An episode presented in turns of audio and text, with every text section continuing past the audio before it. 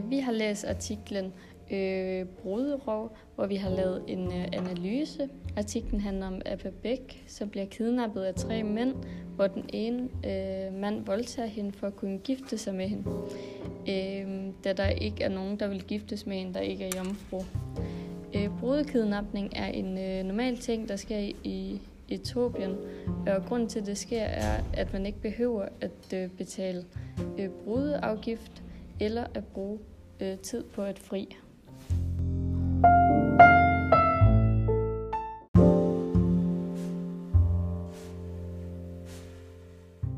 Hvad får vi så at vide i rubrikken, og hvad minder underrubrikken os om? Øh, vi mener, at rubrikken er meget kort og præcis, fordi den bare hedder brudrov, hvilket egentlig bare betyder brudkidnapning. Øhm, og når man læser underrubrikken, får man at vide, at vi befinder os i Etiopien. Her får vi også at vide, at kvinder ofte bliver tvunget til sex, og dermed heller ikke har noget valg inden for, hvem de sådan vil have som mand, fordi at ingen vil jo have en, der ikke er jomfru.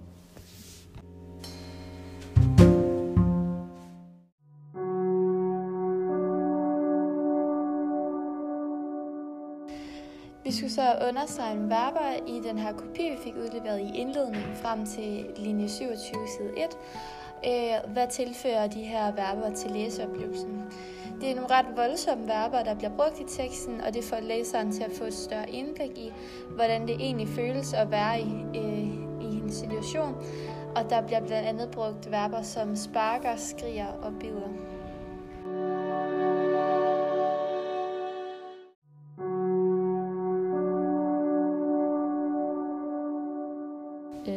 Så har vi spørgsmål, hvilke øh, sanseindtryk optræder i indledning, øh, og san- synssansen optræder, da vi bliver sådan, der bliver grundigt beskrevet, hvordan der ser ud øh, i situationen, og vi kan se følesansen, øh, hvor der står, øh, chilien brænder øh, hele vejen gennem hendes øh, porer.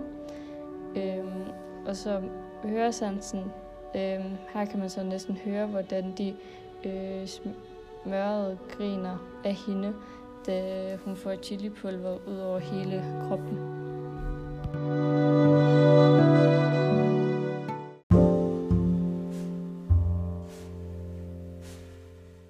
Vi skulle så også herud fra indledningen besvare nogle grundlæggende HV-spørgsmål.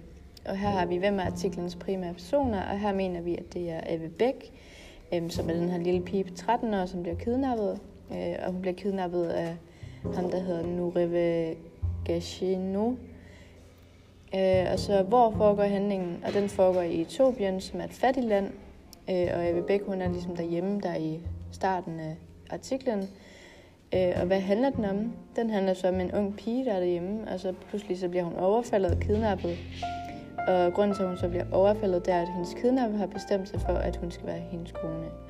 Og hvornår foregår handlingen? Handlingen foregår så i 2001, hvor Abbe Beck har haft en dårlig situation med ham her, Gashino. Øh, og stadigvæk fire år senere venter hun på retfærdighed.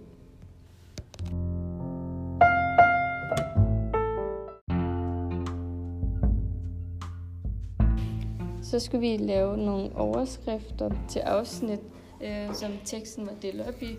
Øh, hvor det første afsnit det er fra linje 1 til 26, hvor vi har kaldt det hendes råb om hjælp.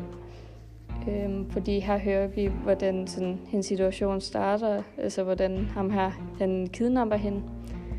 Øhm, og afsnit 2, den er fra linje 27 til 38, øh, hvor vi har kaldt det barnebrud med mere, er en del af dagligdagen. Øhm, fordi her hører vi om, hvordan det er at være, være en borger, der bor i den her lille landsby, og hvordan man som pige bliver behandlet Øhm, så det næste afsnit er fra linje 39 til 63, øhm, hvor vi har kaldt det Abba Bæks flugt fra hytten, fordi her hører vi, hvordan hun så flygtede øhm, fra den her hyt, som han holdt hende fanget i. Øhm, og så det næste afsnit, det er fra linje 64 til 81, øhm, øh, hvor vi har kaldt det, hver fjerde kvinde er blevet voldtaget. Fordi her får vi øh, mere baggrundsviden om, hvordan det er at bo i øh, den her øh, landsby. Øh, og så det næste afsnit er fra linje 82 til 111, øh, hvor vi har så kaldt det, ingen vil have en ikke-jomfru, øh, fordi har, øh, får vi så at vide problemet af, hvordan øh, piger bliver behandlet, og at øh, der ikke er nogen i landet, der vil have en, der ikke er jomfru. Så det sætter nogle krav til, hvordan piger de egentlig skal opføre sig. Og så det sidste afsnit, det er så fra linje 112 til 119, som er afslutningen. Og har vi kaldt det så øh, søgning efter retfærdighed, fordi at øh, her hører man om, at øh, Abba Bæk stadig efter fire år øh, stadig venter på retfærdighed mod øh, det, hun har gået igennem, men også hvad hendes søster øh, er udsat for.